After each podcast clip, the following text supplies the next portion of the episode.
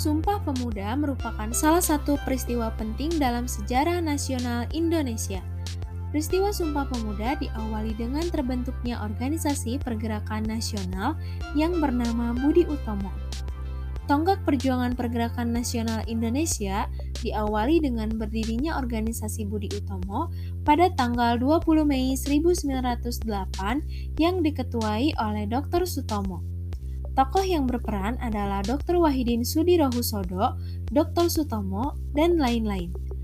Dr. Wahidin Sudirohusodo ingin mengubah cara perjuangan rakyat Indonesia dari perjuangan fisik kepada cara perjuangan melalui pendidikan.